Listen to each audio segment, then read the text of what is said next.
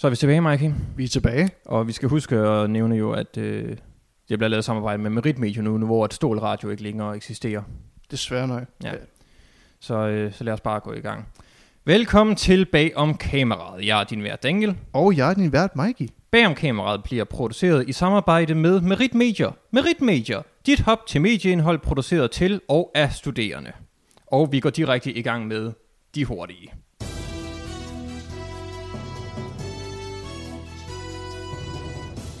Kendt sanger canceler sin egen film. Musikeren siger at havnet i en shitstorm grundet hendes to gange Golden Globe nominerede film Musics afbildning af autisme. Maddie Ziegler, der har den titulære rolle Music, har autisme og er fyldt med tics og nedbrud. Det er meget stereotypisk, hvis du spørger neurodiversitetsaktivister. De satte en underskriftindsamling til søs om at cancel filmen, som fik over 17.000 underskrifter.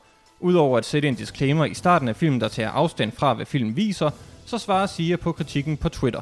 Jeg lyttede til de forkerte mennesker. Hun fortsætter tilbage om kameraet.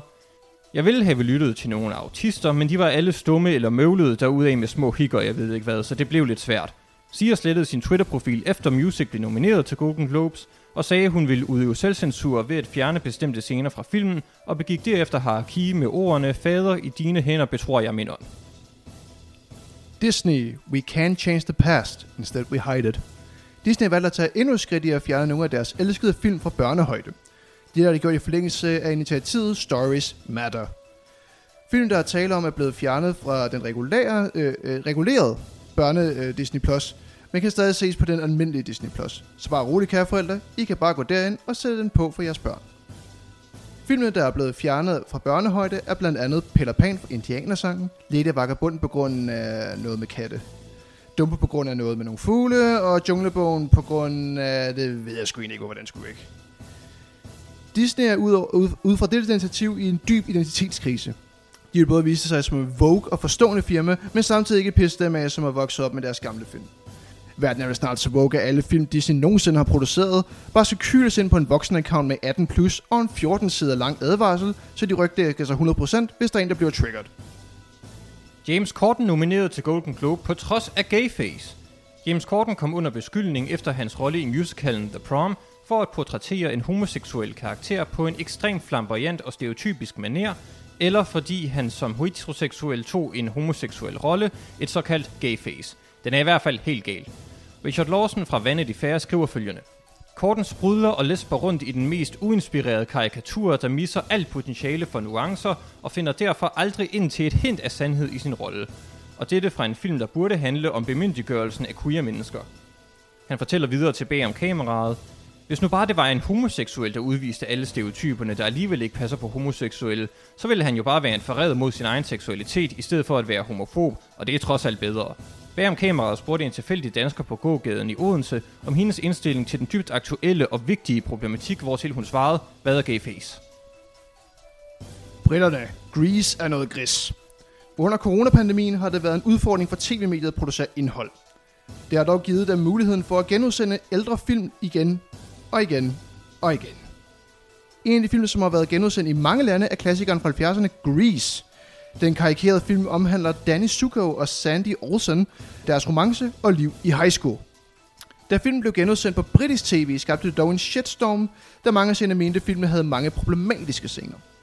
Et af de helt store problemer er under sangen Summer Nights, hvor en strofe lyder, Did she put up a fight? Seere så strofen som en voldtægtsreference. Et andet stort problem øh, var, hvordan karakteren Rizzo blev slut-shamed for at have ubeskyttet samleje. Dette fremstår ifølge seere i hendes egen sang, hvor øh, lyrikken lyder There are worse things I could do than go with a boy or two, even though the neighborhood thinks I'm trashy and no good, I suppose it could be true. Selvom denne kritik er lyt, øh, ses denne stadig så som en klassiker af mange. Det var de hurtige med bag om... Hvad? Hvad? Der, okay, der er mere. Der er mere. Filmen blev yderligere kritiseret for at være pervers over for kvinder, den ene af dennes venner kigger en op under skørtet. Yderligere er filmen homofobisk, da eleverne til skolefest får at vide, at de ikke må danse med elever af samme køn. Det var de hurtige med... Ah, okay, nu, ah, nu stopper det. Filmen er også blevet fået kritik for ikke at have en divers kar. Ja, vi stopper her. Jeg, jeg, jeg gider ikke mere. Jeg gider ikke mere. Vi stopper.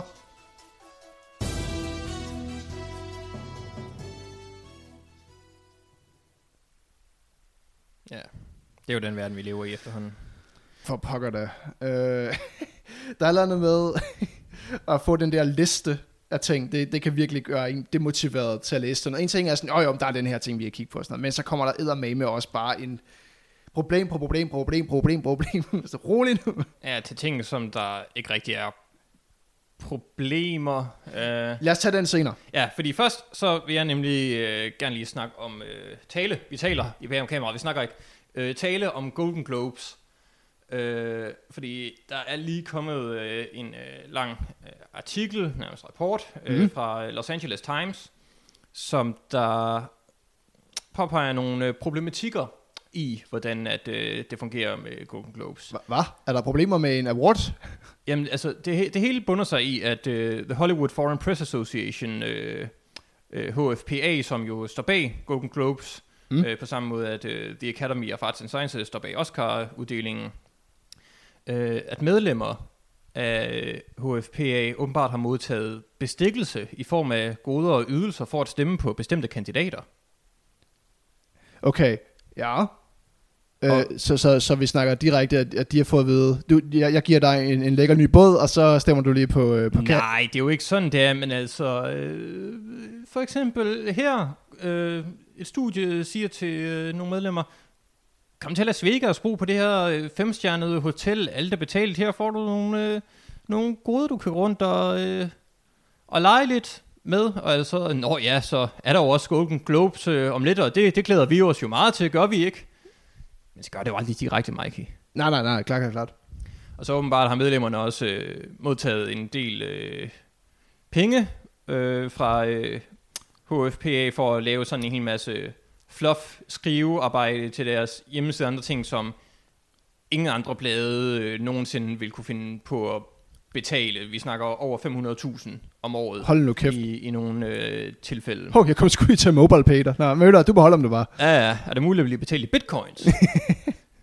og det er, det er åbenbart også øh, stort set umuligt at blive øh, medlem, afdækker den rapport. Og øh, så klassikeren lige uh, The Cherry on Top i uh, nutiden. Uh, der er ingen af de 87 medlemmer, der er sorte. Ja, ja, lad os lige smide diversitetskortet også, for det, det skal vores artikler det indeholde for at hænge en form for relevans. Ja, og det, altså, øh, det var sådan, jeg blev introduceret til den her rapport. Det var fordi, at der var nogle medier, der skrev om, at de ikke har nogen øh, sorte med. Så ved vi ligesom, hvad der vægter mest. Ja, ja, det er klart. Det er jo selvfølgelig 100% korruption er jo ikke øh, mere vægten ved det end hudfarve. Nej, nej. Nej, men det hører, det hører sig sgu næsten til. Altså, ja. Award shows, det er noget af det mest indspiste, man, man kan forestille sig. Jamen, det har jo altid været lobbyarbejde, ligesom i politik. Altså, det har jo altid været, jeg klør din ryg, du klør min ryg. Ja, ja, men altså, forskellen er bare, at de fleste awardshows ser folk ikke, og folk er ligeglade med, det er kun her ved filmen, hvor at det rent faktisk har, har en ret stor sådan, følgerskare ja. af at se det, fordi man gør så meget ud af det, og du ser så mange mennesker, du kender, at alle de mennesker, eller langt flest af dem, så alligevel er øh, voldtægtsforbrydere, pædofile, øh, ligger i skattely, øh, ja, hvad nu man kan forestille sig. Det er jo så en anden sag. Ja. Altså, jeg kan godt forstå, at folk ikke gider at se dem så meget længere, specielt når det hele er blevet så øh, politiseret. Jamen helt klart, altså, vi, vi har jo også set den her øh, udmar, øh, sådan hvor, hvor folk egentlig forlader de her awards season stille roligt. Vi har jo set, at Oscar stille og roligt er blevet mindre og mindre relevant. Ja, tak Gud for det. Uh, Golden Globes uh, har været nok den sidste, vi sparer indtil den her artikel, kan man jo sige. Altså, den har jo egentlig været den ting, for at tænke, oh, det, det, det er sådan det, folk egentlig godt kunne se, men egentlig ikke nogen ser, ved at Oscar stadig har været højere. En eller anden Jamen, jeg forstår bare ikke, hvorfor... Altså, jeg har da også set Oscar-showet øh, halvanden gang. Ja. øh, Am, øh, anden gang, det var, øh, hvor Baby Driver ikke vandt øh, nogle priser, som jeg gerne havde set den vandt, og derfor gad jeg ikke at se det mere. Ja, det var, det var et hårdt år, jeg kan godt huske det. Det var et, øh, det var et vildt år. ja, men altså, det er jo bare industrien, der står og gokker sig selv af, og så skal alle vi andre sidde og se på.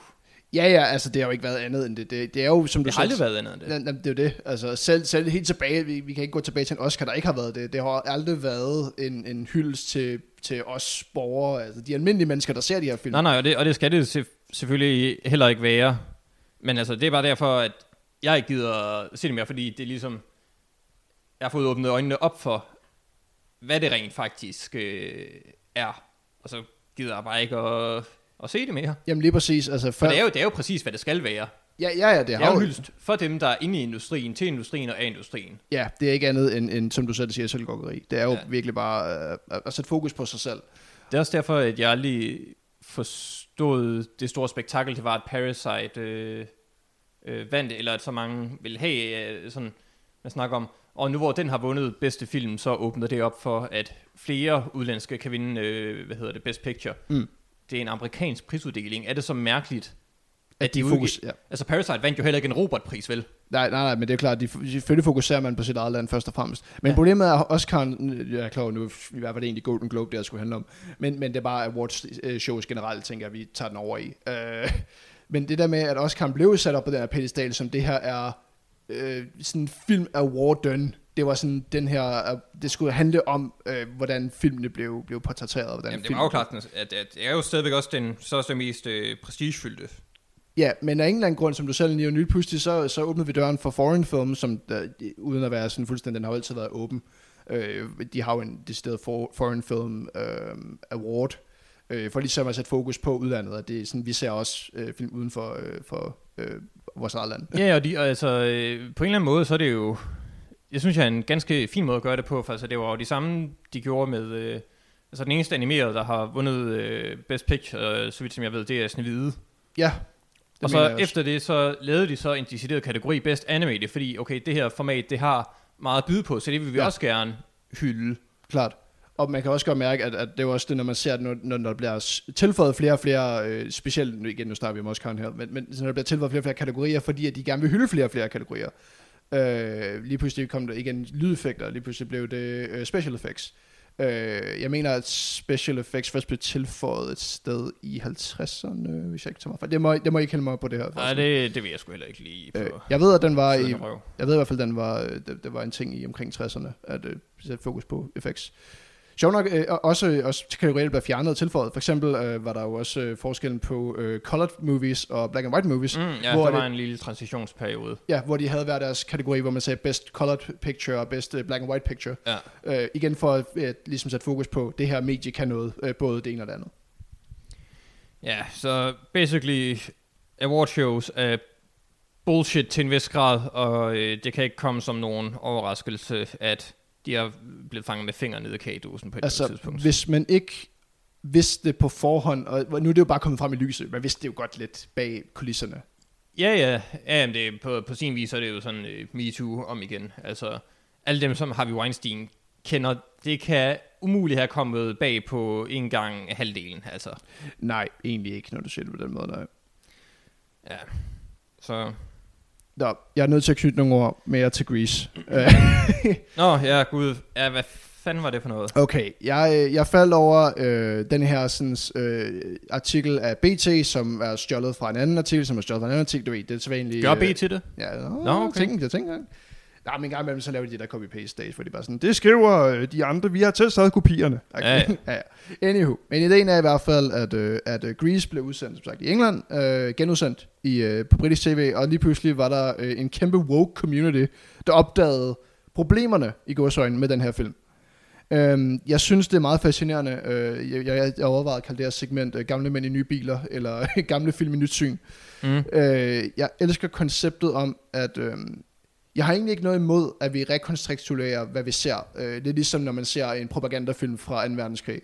I dag har vi et helt andet syn på den. Vi har et helt andet opfattelse af, hvordan den her film skal ses. Øhm, Ja. Fordi at vi ser den ligesom, som hvad den er. Øh, og når der opstår problematikker i ældre film, øh, som, som øh, nogen vil kalde dem, så er det fordi, vi har den her nye, moderne øh, rekonstruktuering af filmen. Ja, det gik rigtig godt det derovre. Ja, det, øh, overhovedet ikke. jeg håber, for, Rekontekstualisering. tak. Det var, øh, der var en, heldigvis har du Howard over på nu. Men i hvert fald, ideen er bare, at du, du tager i hvert fald filmen og tager den i det her nye, øh, moderne woke-lys, hvor man for eksempel ikke må lave voldtægtsreferencer, øh, som de mener, at She Put Up a Fight øh, vil være i lyrikken til Summer Nights. Mm. Øh, jeg vil selvfølgelig forsvare filmen meget med at sige, at, at det er en meget karikeret film. Den er jo lavet til at være lidt overdreven. Øh, Ja, mildest talt. Øh, og jeg tænker, at, at man kunne nemt lave nogle karakteranalyser om, at, at grunden til, at de siger sådan nogle ting, at det er for at være seje, fordi de skal forestille at være high school. Altså, de skal jo forestille at være lidt larger than life karakterer, ikke? Der ligesom ja. øh, prøver at være, hey, jeg har slås med min kæreste, ja. og det synes jeg er, er, er fedt, at man ligesom vælger at tage den henover, men jeg tror også, det går for langt, når man vælger at sige, lad os bandlyse den. Jamen, det er altid der, hvor det går for langt. Ja, fordi at en ting er at, at kritisere ting fra ældre film. Det må man med glæde for min, hvis, hvis du optager et eller andet, tænker det, det synes ja, jeg sgu ikke er i orden. Altså, du kan kritisere gamle ting såvel som nye ting. Altså. Ja, lige præcis. Men, men aldrig nogensinde gå i censur-mode. Uh, Nej, det, tror det er jeg, det værste, at, man kan gøre. For jeg tror, det er der, hvor vi stopper samtalen så. Hvis du egentlig vil have en samtale, så brug den som et samtale øh, sådan værktøj, i stedet for bare at sige, jamen det skal bare væk, det er der ikke nogen, der skal forstå eller se det her. Du kan have virkelig mange gode samtaler om, hvorfor nogle af de ting er forkerte i film, og jeg siger ikke godsøjne, for jeg mener selv, at film er meget uproblematisk. Uh, det er personlig holdning i hvert fald. Ja. Uh, og det er også i forlængelse af sådan noget som Disney selvcensur, som jeg også inkluderede, uh, hvor at vi har det her black coding, som er begyndt at blive sat på mange karakterer, hvor det er sådan, ah, men det er jo fordi, at de ligner, de er sorte. Er det black coding? Er det sådan øh, den indirekte blackface? Ja, vi har for eksempel, øh, nu, nu nævnte jeg de der kraver i Dumbo. Ideen oh, er, at God, de, ja, ja, de skal jo så ligesom ligne, at de er nogle karikerede øh, karakterer. Hvilket er sjovt, fordi jeg elsker, hvordan voksne mennesker rekontekstualiserer for børn. Jeg fattede eddermame ikke, da jeg så dumme første gang, at det skulle forestille at være en anden identitet. Nej, men det er jo altid voksne, der bliver forarvet på deres børns vegne. Præcis, og det skal man lade være med. Lad nu børn for guds skyld selv danne en eller anden idé om, hvad der foregår, og så må man tage det i en samtale, hvis de vælger at spørge ind til noget, som hvorfor er kravene sådan? Lad os, Jamen, lad os det, det, det er det, som jeg altid har sat pris på ved South Park. De... Øh har fuldstændig skudt papegøjen i forhold til, hvordan børn opfører sig. Ja. De er banner, og de er pisseirriterende. Ja, lige præcis. Altså, og, og lad os da sørge for, at de kan få nogle, nogle forskellige indblik, end bare den her sådan fuldstændig øh, indtryksløse underholdning, ja. hvor det bare bliver og sådan... forældre, hvad med, at du selv taler med dem om det, i stedet for at bare sige til, til andre, det der må du ikke vise, det må de ikke vise dine børn. Ja, ja, lige, ja, lige præcis. Altså, det er jo ligesom, jeg kan huske, det, det er, jeg tror, det er et år eller to tilbage, hvor et, uh, et chapter 2 kom ud. Nej, det er længe tid siden, siden og gudstillings. Vi har været i lockdown for længe.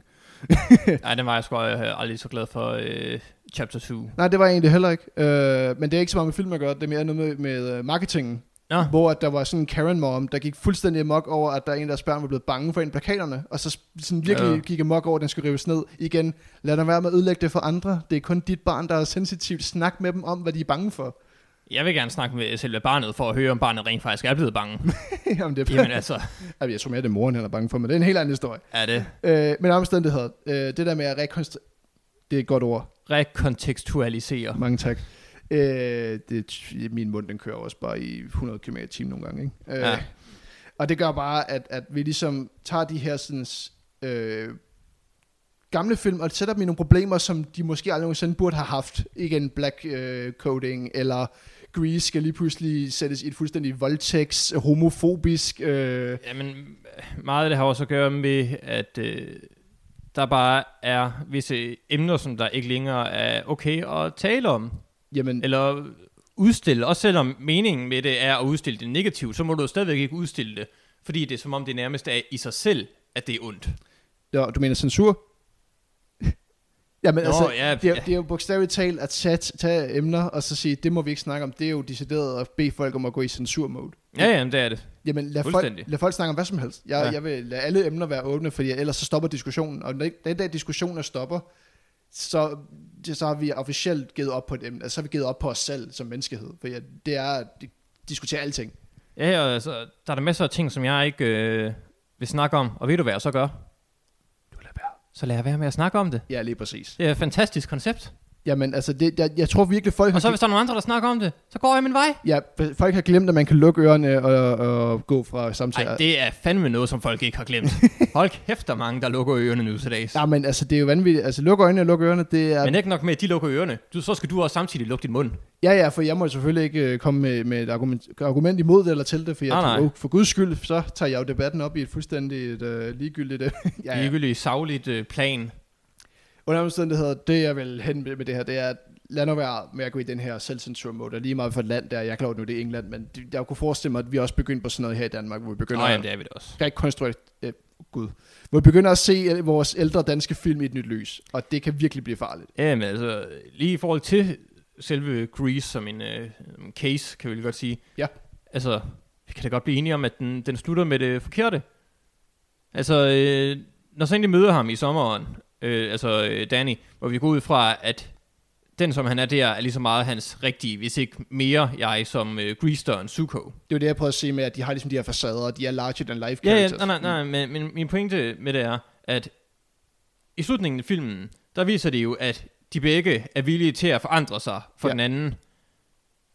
Og jeg har da altid synes at det var mærkeligt, at det skulle ende med, at, øh, at øh, Sandy blev en øh, greaser-pige, ja. I stedet for at Zuko blev mere upstanding guy. Altså, Ja, det har jeg altid synes var et mærkeligt valg. Det har altid været det, jeg synes var det mest problematiske med, med filmen. Det er mere tematikken igen, det er det filmiske mere, end det er sådan en kontroversiel holdning, hvis det giver mening. Altså, Ja, men det, altså, jeg ser da Grease for sangen og den visuelle stil.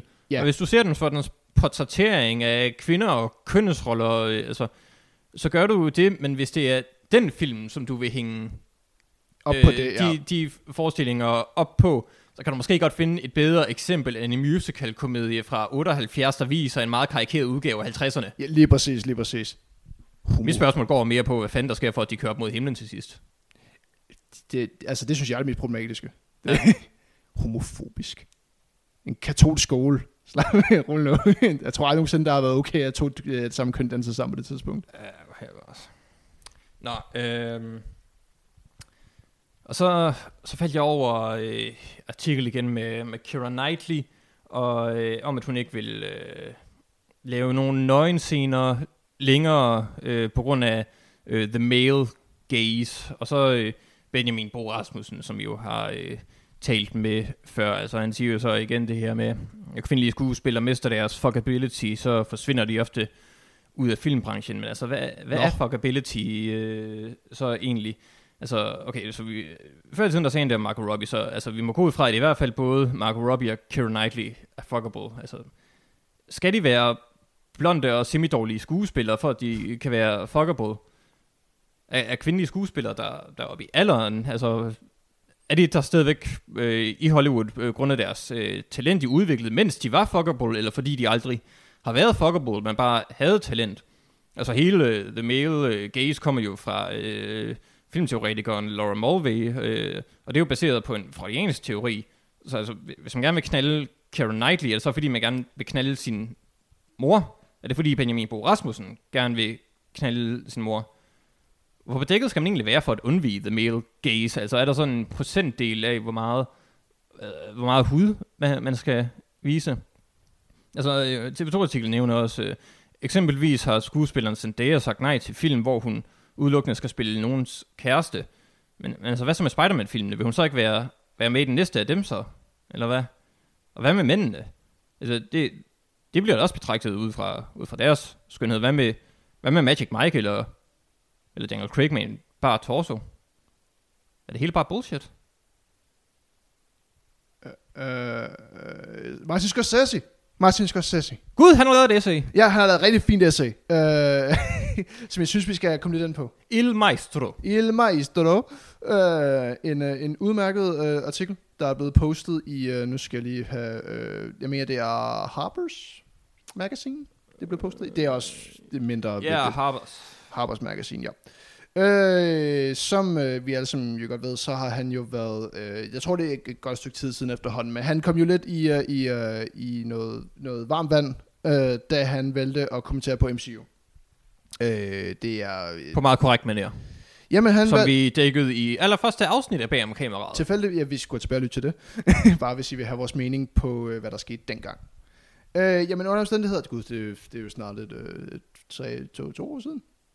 Det er meget sjovt. Halvandet. Halvanden år siden, ja. Ja. Nå, men i hvert fald for halvanden år siden, det var bare for have konteksten med, Ja. øh, omkring øh, MCU, øh, så valgte han jo at sige, at de ikke var cinema. Han kaldte dem de her rollercoaster rides, mener jeg. Uh, theme Park Rides. Theme park rides. Øh, fordi de ikke ligesom skubbede, øh, hvad kan man kalde det, det filmiske i det. Det var bare for at ud til det næste thrill ride. Ja, du, du kommer ind for et lille rush, og så går du af. Nå, okay, det var vel fedt nok. Yes. Han har så udgivet et nyt essay. Øh, det er lidt det, vi skal snakke om i dag. Il Maestro, som er et... Tale om. Vi skal tale om det. Vi snakker ikke bag om kameraet. Vi taler nemlig i bagom kameraet. Øh, han øh, taler nemlig om øh, hans, en af hans rimelig store idoler, som er, øh, Skal vi se her.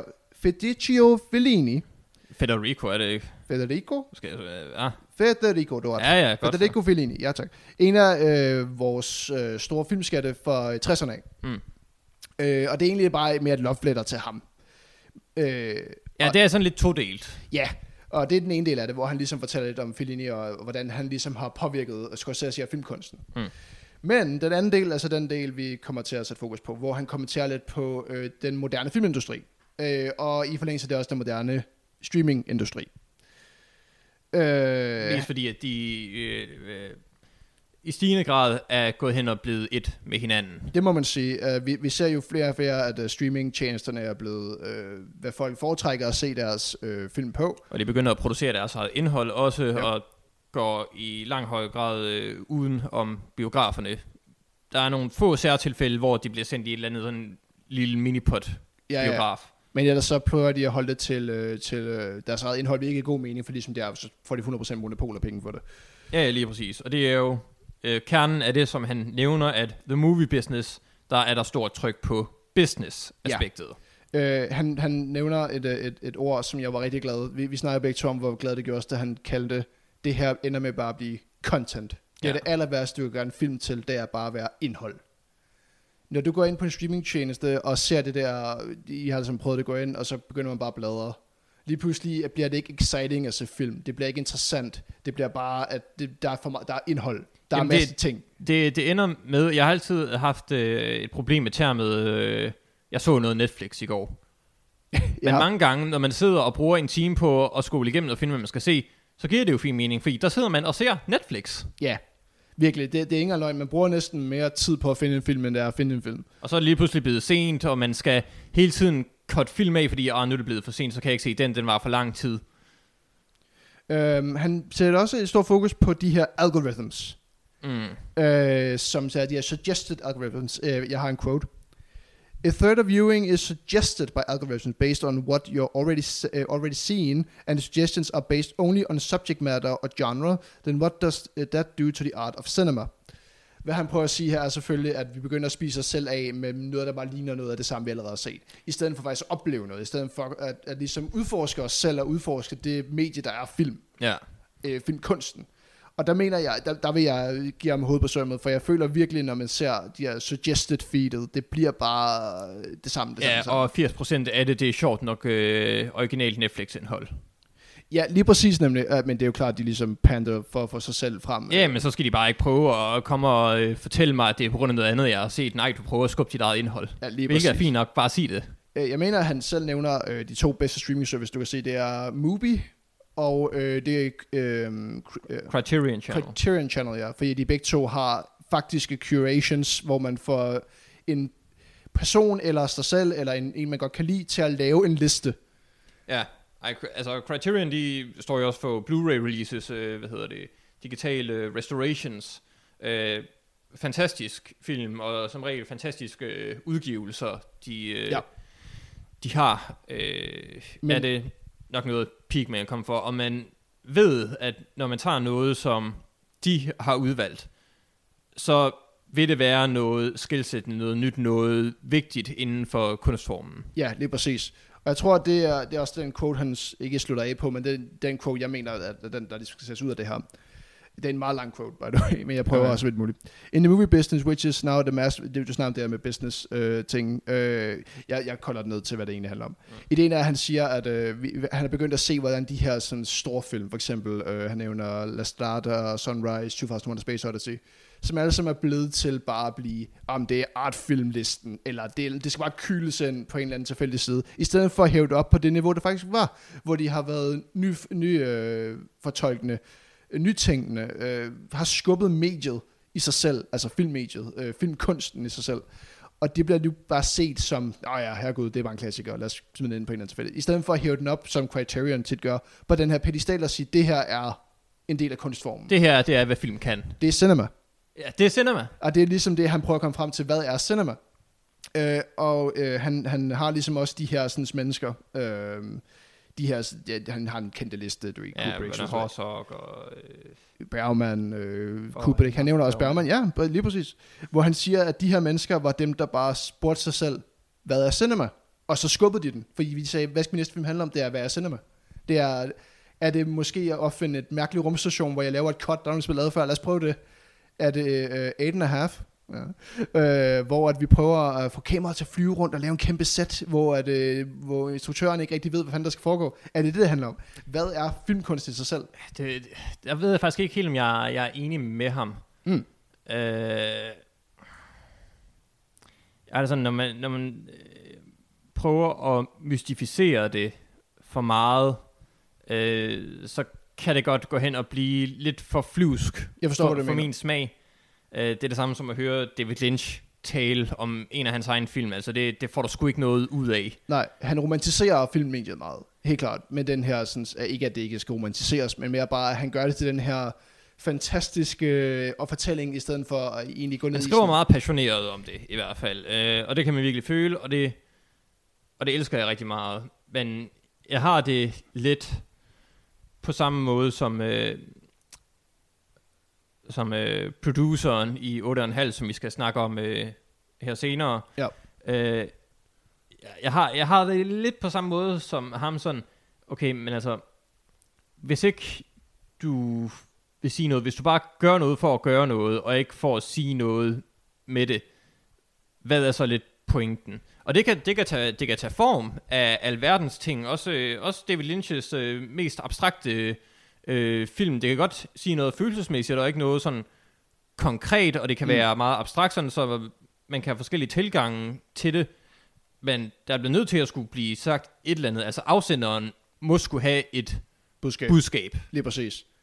Øh, og det tror jeg også... Og det at- som cinema så kan, det er at fortælle det budskab på et hav af forskellige fantastiske måder jeg har jo altid, øh, når jeg fortæller folk, hvorfor, hvorfor, hvorfor film, hvorfor ikke musik, hvorfor ikke bøger, hvorfor ikke, og så videre, så videre, så videre. Så har jeg jo altid sagt, det er fordi, den bare kombinerer alting. Det er jo det visuelle, det er lydmediet, det er musikken, det er også, det er også bare sådan, det, det ly- lyriske i form af replikker.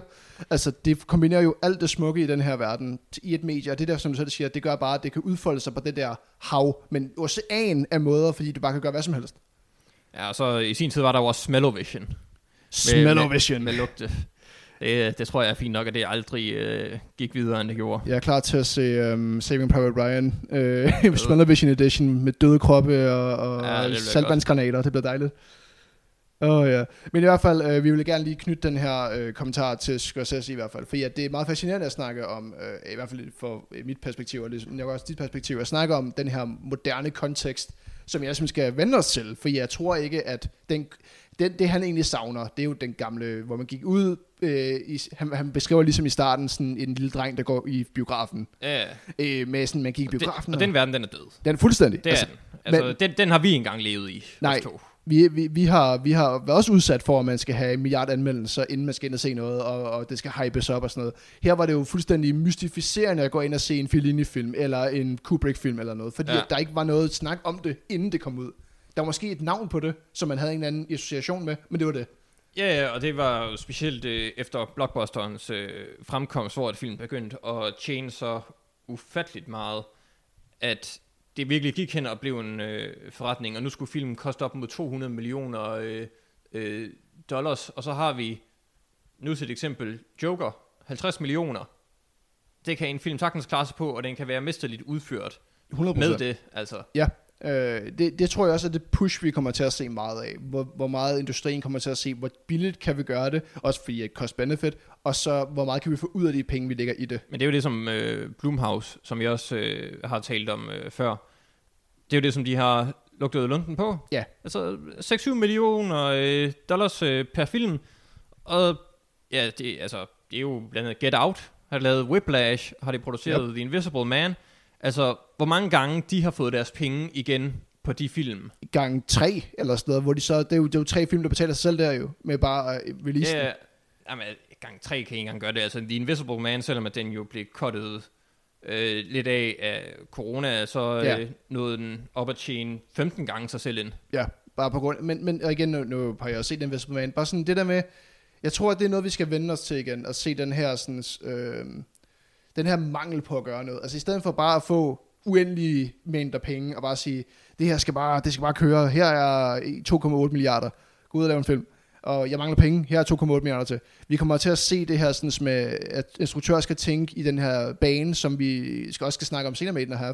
Det der med, hvordan kan vi gøre det på en cost-benefit måde, hvordan kan vi gøre det på en billig måde, hvordan kan vi gøre det på en ordentlig måde, med de begrænsninger, vi har. Ja, det er de store studier var ikke interesseret i, fordi at de ser The Force Awakens, de ser øh, Jurassic World, som tjener, øh, som tjener dem over en milliard dollars på en film. Og de håber hver eneste af deres film bliver sådan. Det bliver, men igen, det er også det, som vi snakker om, passion forsvinder, det er content, det er bare den næste Star Wars film, det er bare den næste Jamen, altså, Jurassic Park det, film. det er jo øh, directors for hire. ja, Altså præcis. specielt i, øh, i, i Marvel-film. Det er nok det ypperste eksempel på, ja, på alt det, Martin Scorsese og vi også til en grad øh, hader. Ja, det er, når det bliver det her, sådan, øh, som du selv siger, den her øh, manuskript assassin, der får en opgave, hvor sådan, jeg give you an offer you can't refuse. Og så er det Ja. bare at gå i gang med at, at, at, lave et eller andet, ud fra nogle script notes, du har fået, og så... Ja, ja. Men det skal selvfølgelig også siges, at der er mange fantastiske film, der er blevet lavet på den måde. Ja, Men naturligvis. bare når man ser til i forhold til, hvor meget lort og det generelle niveau Ja. af, af film, som der er øh, kommet, der er det faldet, selvom at mange gode, altså Indiana Jones for eksempel, altså det er jo lavet efter samme model som Ja. øh, MCU-filmene. Og det er en fantastisk film jo. Ja, ja, 100 procent. Altså det, det har jo også bare været, som du selv siger, det har jo været... Men, men, men tilbage til det der med at have passion i det, at have ja. noget at sige. Den har også bare et eller andet at sige. Den har også en eller anden ting, der manglede med at have en actionheld, der kunne et eller andet, og det, det manglede måske på det tidspunkt. Og det har også bare været en instruktør, der vil sige noget om det, om at der manglede held. Og måske er det egentlig også det, MCU prøver at sige til en vis grad, om nogle af instruktørerne i hvert fald kan, kan convey det på en okay måde, hvordan de her sådan, øh, helte skal fungere i virkeligheden. Og nogle af dem er, som sagt, de her hired assassins, så bare ender med at blive... Øh, og ja, her er 1000 script notes, her er de mennesker, du skal inkludere, her er, hvor meget screen time det skal have. Men igen, altså, igen, så bliver det content, det bliver ikke passion. Jeg siger ikke, at man ikke kan finde passion i, nu tager vi bare Infinity War Endgame, du kan sikkert finde noget passion i det til tider, men man kan bare godt se, hvornår det er script noted, hvornår det er.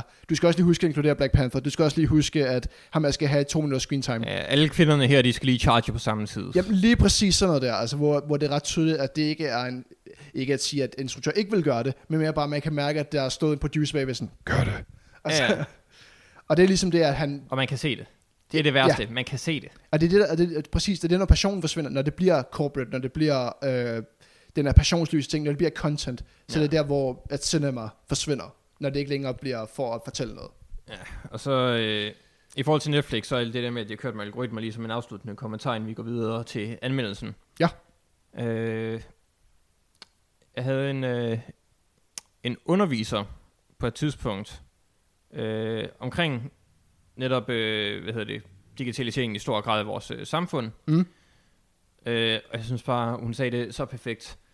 Hvis, hvis Netflix endelig skal have alle mine informationer om mig, og vide alt, hvad jeg kan lide, og så videre, hvorfor kan de så ikke finde nogle film, som jeg rent faktisk gider at se? Det, det er det, der er uhyggeligt jo. Det, Jamen, det, der, de, kan ikke engang, de bruger ikke engang de der algoritmer til noget, altså. det, det er jo egentlig bare, som du selv siger, hey, vi har også lavet den her film. Ja, altså hvis vi ser film som øh, Bird Box. Bird Box er det perfekte eksempel på at se, hvad, hvad, hvad streaming kan gøre ved filmmediet. Bird Box vil aldrig nogensinde i en million år have klaret sig så godt, hvis ikke det var, fordi den var på Netflix, var en Netflix original. Enig, og der blev skabt enig. den her boss, og Netflix skabte den her boss omkring den. Hvis den var udkommet af biografen, så ville den blot have været endnu en film i den weekend. Den havde været den nye uh, Paranormal Activity 8. Den havde bare været den næste gyser Ja. i, i, i, i sådan serien af gyser. Men som så det siger, på grund af, at de har fundet ud af, hvordan man pusher det, hvordan man laver det til det indhold, det skal være, Ja. i stedet for faktisk at have lavet en passioneret film. Og den eneste øh, film, som øh, øh, mener jeg, hvor de har udgivet tallene for, hvor mange der har set det. Fordi det, Netflix er jo meget sådan, øh, ja, Ja, vi udgiver tys, tys. ikke noget om, hvad der foregår inde på, øh, inde på vores øh, side. Nej. Black Box og hele lortet. Men lige ved Bird Box, Ja, der er sådan, ej, der, er, øh, det her det er den mest øh, sete film, der overhovedet er på, øh, på tjenesten.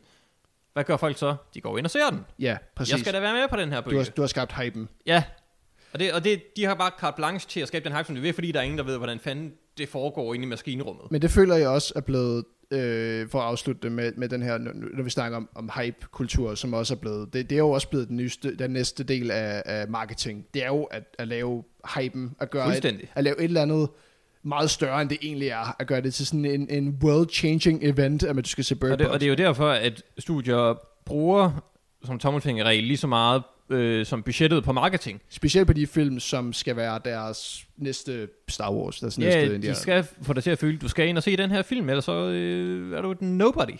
Altså selv, selv de små indie-film har også, altså sådan noget som The Paranormal Activity, det var jo også der, hvor de viste uh, screenings, hvor det var ligesom var reklamen, for sådan, Ja, ja, ja. du skal ind og se, hvor hyld den er. Ja, jeg ved godt, hvor fake det er, ikke? Men, men ideen er bare, hvor sjovt det var at se de her sådan, scener om, at du hypede op til, det her er den mest skræmmende film nogensinde. Åh ja, hva- åh, hvad er det nu for en?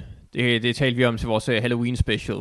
Øhm, den, den mest uh, skræmmende film nogensinde. Hvad fanden var det? Insidious 2? Insidious 2, ja. Var det Insidious 2? Jeg tror, det var Insidious 2. Ja. Den var i hvert fald på listen. Uh. Som var den mest forskrækkende, ikke skræmmende. Ja, det ja, kom, vi, det kom vi frem til. Mest forskrækkende film. Nå, jeg tror, vi lukker for de dybtegående her. Nu begynder en... Øh, Ja, nu bliver det, nu vi bliver kommer ud af mange for, det tangenter. bliver for fri snak, Ja. Øh, yes, for det gør, at vi ikke taler. Ja. lige præcis. Ja, ja, ja. Og øh, vi har øh, taget inspiration af Martin Scorsese, og øh, vi har set øh, 8,5 af Federico Fellini. Ja, som er ligesom den film, han tager meget udgangspunkt i i artiklen. Øh, som sådan den, der... Sådan, det, det er hans store mesterværk. Øh, om hvordan... Ja, den, selv- som der rørte ham mest. Ja. Øh, og det, det kan jeg sgu godt forstå, hvorfor det kan røre en meget, når man ser den.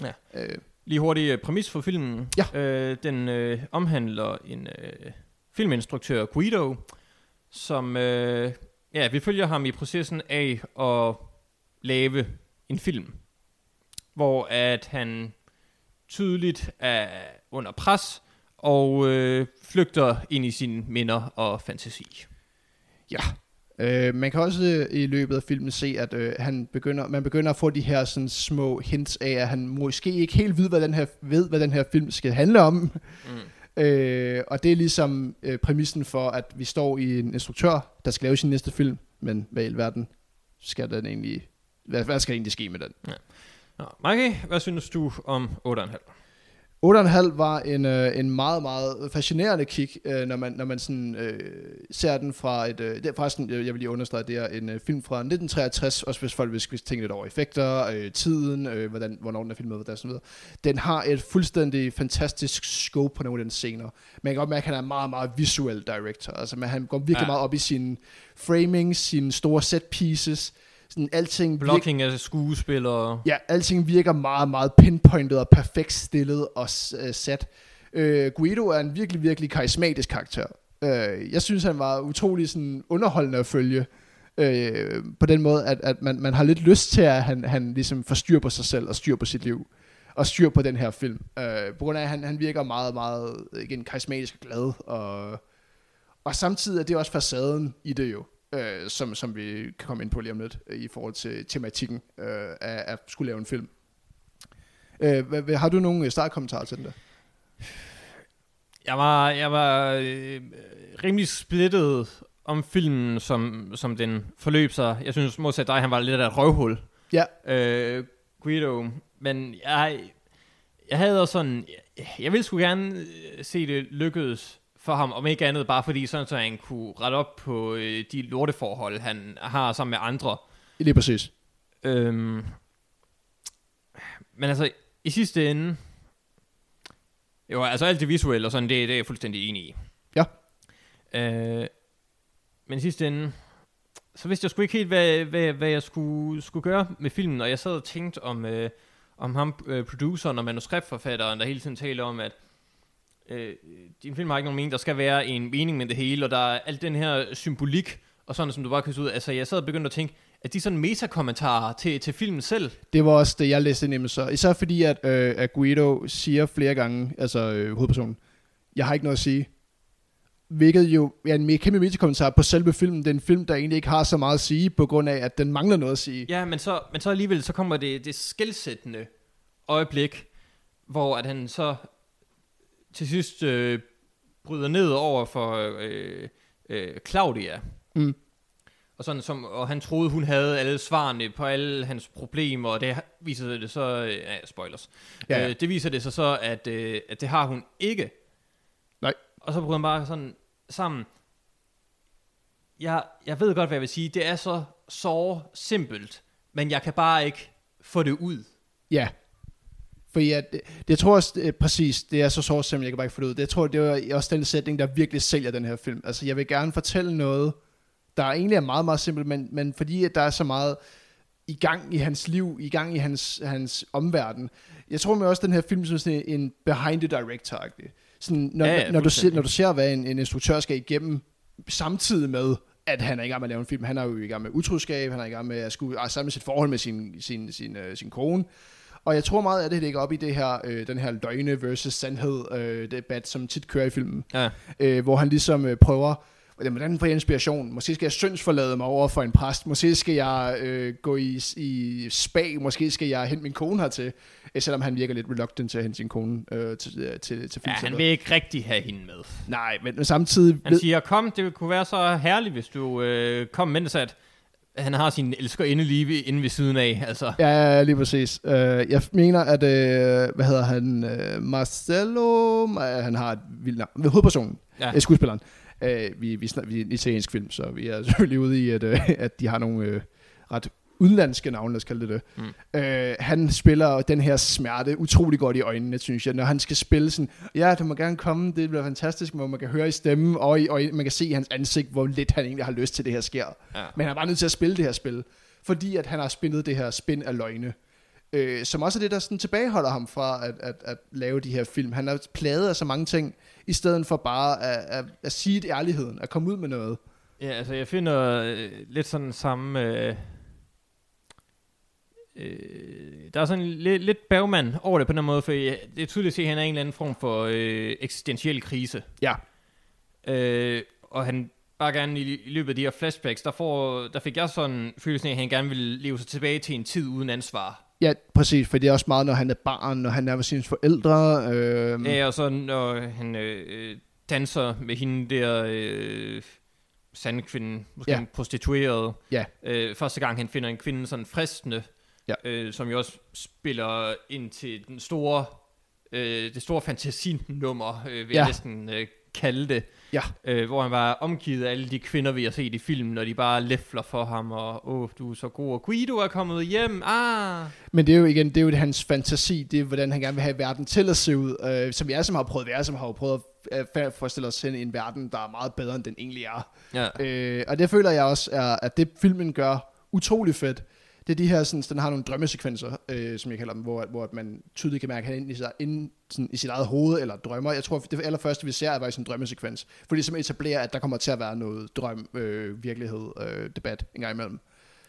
Øh, Jeg så det meget som... Øh, ja, altså, bare hurtigt. Øh, filmen starter med, at vi ser en mand. Jeg tror aldrig, vi får etableret det er Guido, nej, øh, teknisk set. Øh, hvor der kommer røg ind i bilen. Han dør, og så stiger op til himmel. Og så kommer øh, øh, øh, produceren og manuskriptforfatteren øh, og hiver ham ned, mens han flyver op mod himmel, så får de viklet et ræb om hans fod ja. og, og hiver ham ned i havet. Ja, det var også helt klart det, jeg, jeg, symbolikken i, at, at det her ansvar, der ligger på ham, hvordan han er nødt til, han kan ikke være den frie fugl, han gerne vil være, fordi han er, har det der corporate shoulder, der hele tiden siger, at du skal lave den næste film, du skal lave den næste Ja. film, du er nødt til. Også generelt i den her bilscene, der har han de her sådan syn på sig, alle mennesker vender sig om og ser mod, vi, jeg tænker det er Guido, det skulle være et symbol for. Ja, men ligesom vender og kigger mod, at han dør langsomt. Den her og sådan- gør ikke noget. Jamen selvfølgelig ikke, fordi de, de skal jo bare kigge på ham og holde øje med ham, og ligesom observere ham i den her verden. Det er derfor, jeg elskede for eksempel, at en af de spørgsmål, han får meget ofte, er, hvad han synes om det nuclear war, hvor jeg tænker, hvor er det fedt. Det er ligesom, når vores øhm, skuespiller og instruktør får et eller andet fuldstændig ligegyldigt spørgsmål i forhold til deres film og sådan noget. Hvad er din holdning til MeToo? Og var sådan, øhm, ja, øh, det ja, der. Jeg går, jeg går, jeg går ikke ind for det. altså, at kvinder bliver udsat for det.